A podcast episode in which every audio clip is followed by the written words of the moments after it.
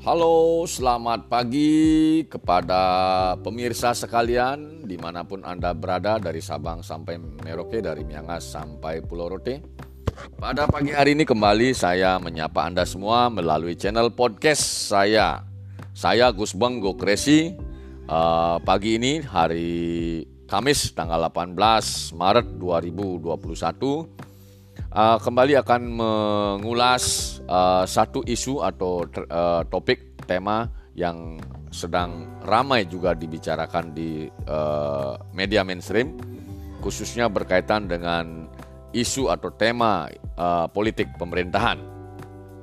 Sebelum saya menyampaikannya, izinkan saya menyampaikan salam Om Swastiastu, Assalamualaikum warahmatullahi wabarakatuh, salam sejahtera untuk kita semua, salam namo budayo.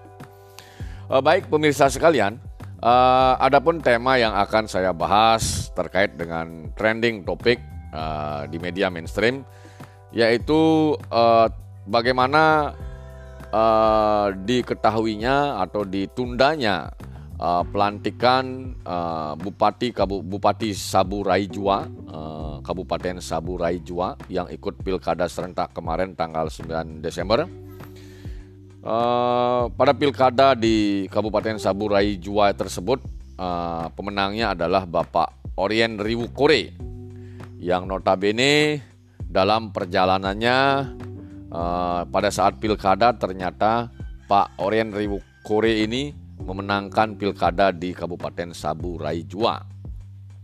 Namun yang menarik, setelah kemenangan justru uh, beliau digugat oleh lawan politiknya ke Mahkamah Konstitusi dengan alasan kewarganegaraannya adalah warga negara Amerika, USA, United States of America sejak tahun 2007. Nah, tentunya hal ini uh, sangat perlu atau perlu kita cermati dari perspektif uh, pemerintahan, kebijakan publik, administrasi negara.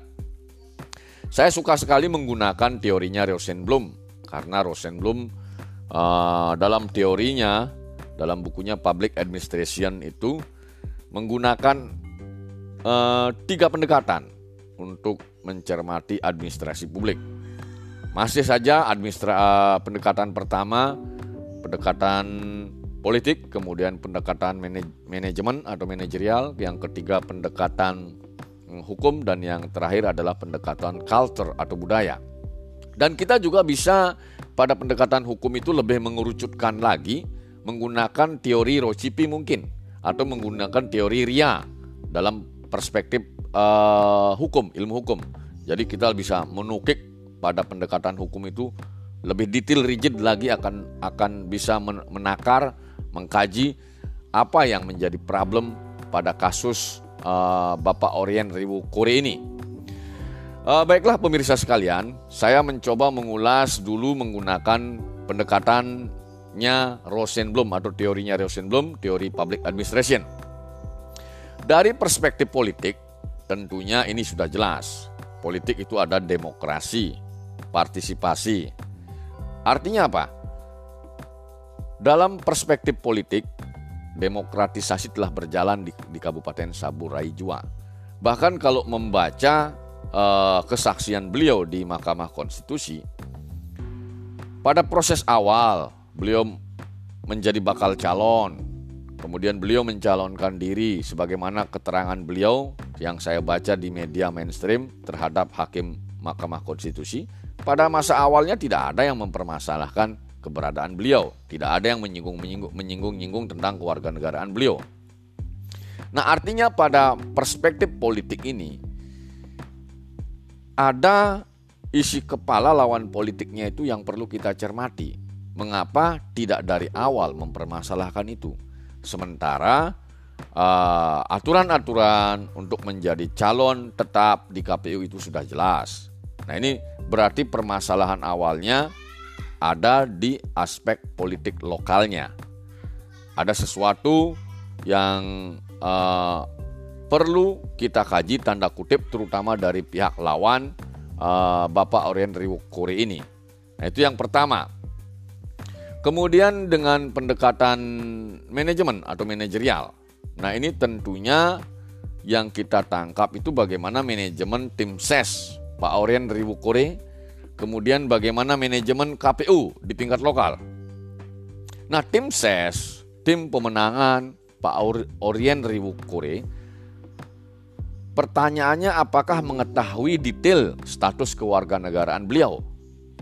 Jika mereka mengetahui status kewarganegaraan beliau, semestinya jauh-jauh hari sebelum uh, pendaftaran calon, itu mestinya diurus kalau memang mau mencalonkan beliau Pak Orien Ribu Kore.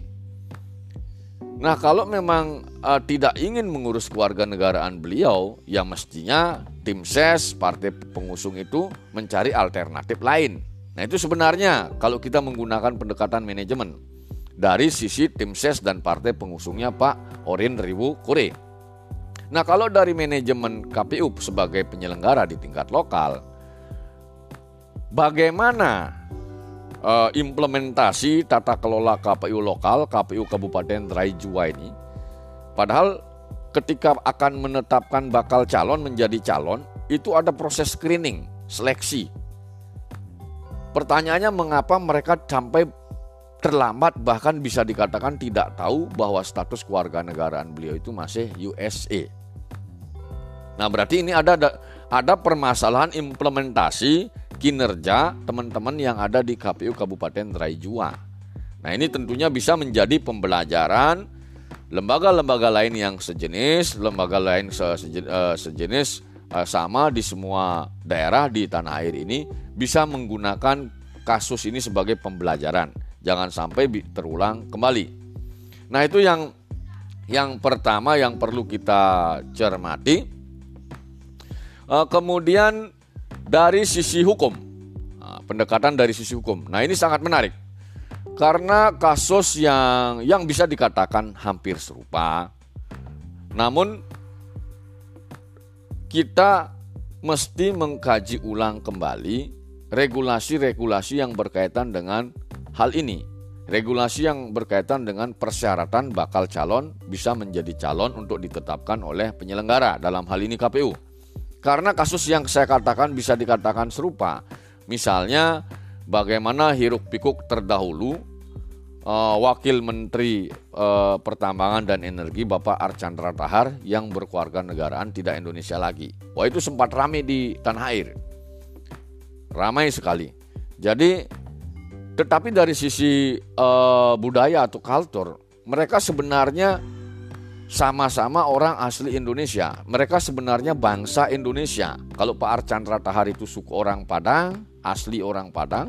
Kemudian Pak Orien Riwukore ini jelas asli atau bangsa bangsa Indonesia, bangsa Saburai Jua ini, suku suku uh, Saburai Jua ini bahkan marganya masih ada itu kalau tidak salah Riwukore ini marga. Nah ini dari sisi kultur budaya mereka faktanya memang suku bangsa kita gitu. Nah ini yang menjadi permasalahan tentunya harus di uh, diliniarkan, dihubungkan dengan aspek hukum ini.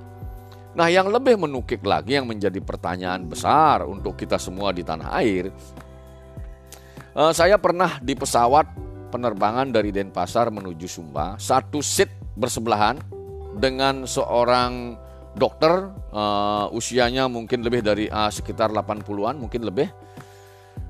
Jadi dokter itu berkebangsaan Australia, beliau tinggal di Perth kalau tidak salah. Uh, sebelah di kebetulan di sebelah tempat duduk saya duduk uh, uh, penerbangan dari Denpasar ke Sumba ke Tambolaka. Jadi beliau itu ternyata mantan kepala dinas kesehatan Sumba. Waktu itu Sumba masih berpusat di Sumba Barat. Jadi keluarga negaraan beliau Australia. Tetapi mas pada masa uh, era tahun itu ketika itu presiden mungkin Bung Karno mungkin atau Pak Harto saya lupa bertanya kepada beliau. Tetapi kita ingin mengatakan bahwasanya ada pejabat uh, meskipun itu bukan pejabat politik tetapi itu justru pejabat administratif kepala dinas kesehatan. Itu direkrut dari orang asing. Kenapa demikian? Jawaban beliau Pak Dokter pada masa itu karena terbatasnya uh, sarjana kedokteran atau dokter pada masa itu sehingga pemerintah membuka keran untuk warga negara asing bekerja sebagai kepala dinas kesehatan pada masa awal kemerdekaan itu. Dan ini fakta. Bahkan beliau Pak Dokter itu masih ingat sekali dengan almarhum Umbu, Umbu Bintang. Uh, beliau uh, ternyata pada masa Pak Dokter jadi kepala dinas kesehatan, Pak Umbu Bintang ini adalah anak Bupati Sumba itu. Jadi beliau yang yang mengobati kalau sakit. Jadi kembali ke tema atau topik kita. Jadi dari perspektif hukum ini memang masih ada menyisakan masalah antara regulasi yang dibuat dengan praktek di lapangan itu bias, tidak sinkron. Nah tentunya tidak ketemunya aturan dengan praktek di lapangan ini harus dicarikan solusi. Sehingga tidak lagi muncul kasus-kasus seperti Pak Oren Riwukure dan Pak Archandra Tahar.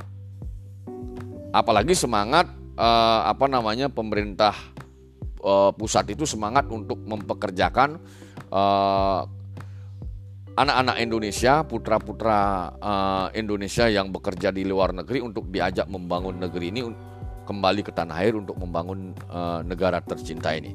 Nah itu dari perspektif hukum. Jadi ada yang bermasalah dengan dengan regulasi kita dengan praktek di lapangan. Tentunya ini harus dicarikan uh, solusi.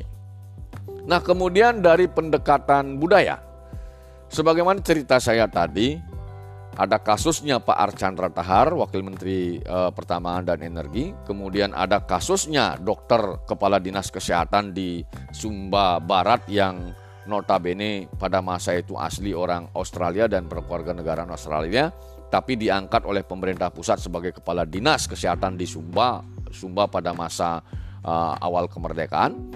Nah kemudian ada kasusnya Pak Orin Ribu Kuri ini. Nah dari perspektif budaya, jelas bahwa sebenarnya kalau kita menggunakan pendekatan budaya atau culture, Pak Orien Riwukuri dan Pak Archandra Tahar itu jelas suku e, bangsanya itu ada di Indonesia. Jadi mereka berdua ini sebenarnya orang Indonesia asli. Bahkan mereka dikenal di tanah air karena sanak famili keluarganya masih uh, uh, memang berada di tanah air atau di Indonesia. Nah ini tentunya dari pendekatan kultur budaya jelas tidak ada masalah apabila Pak Urien Rewukuri ini dilantik karena memang yang bersangkutan orang Indonesia secara de facto kultur budayanya keluarganya ada di Sabu Raijua. Nah da, e, dari beberapa pendekatan di, e, di atas yang saya sampaikan baik itu pendekatan e, politik, kemudian pendekatan manajemen, pendekatan hukum, dan pendekatan kultur budaya. Nah, semestinya yang saya rekomendasikan bagaimana MK mengeluarkan keputusan yang uh, betul-betul bijaksana, yang tentunya keputusan itu disertai dengan rekomendasi untuk memperbaiki regulasi. Karena permasalahannya berarti di implementasi KPU dan regulasi. Karena KPU sendiri pun kita tidak bisa salahkan karena mungkin KPU mengetahui bahwasanya memang Pak Orien Rewu Kore ini memang suku bangsa orang suku Saburai juga. Nah artinya rekomendasi yang dikeluarkan oleh MK ini harapannya agar regulasi yang mengatur tentang uh, pemilu pilkada ini bisa disempurnakan atau diperbaiki sehingga ke depan tidak ada lagi masalah seperti yang terjadi di Kabupaten Saburai Jua. Tentunya harapannya saya sebagai pribadi sebagai pengajar di uh, kampus berharap ya dengan putusan MK harapan saya Pak Oren Riwukuri bisa dilantik oleh negara. Demikian uh, podcast saya, tema yang saya bawakan pada pagi hari ini. Mudah-mudahan bisa berguna untuk kita semua. Apabila dalam penyampaiannya tadi ada yang kurang berkenan, saya mohon maaf. Saya tutup dengan menyampaikan Prame Santi. Om Santi Santi Santi Om. Assalamualaikum warahmatullahi wabarakatuh. Salam sejahtera untuk kita semua. Salam Namo Buddhayo. Selamat pagi.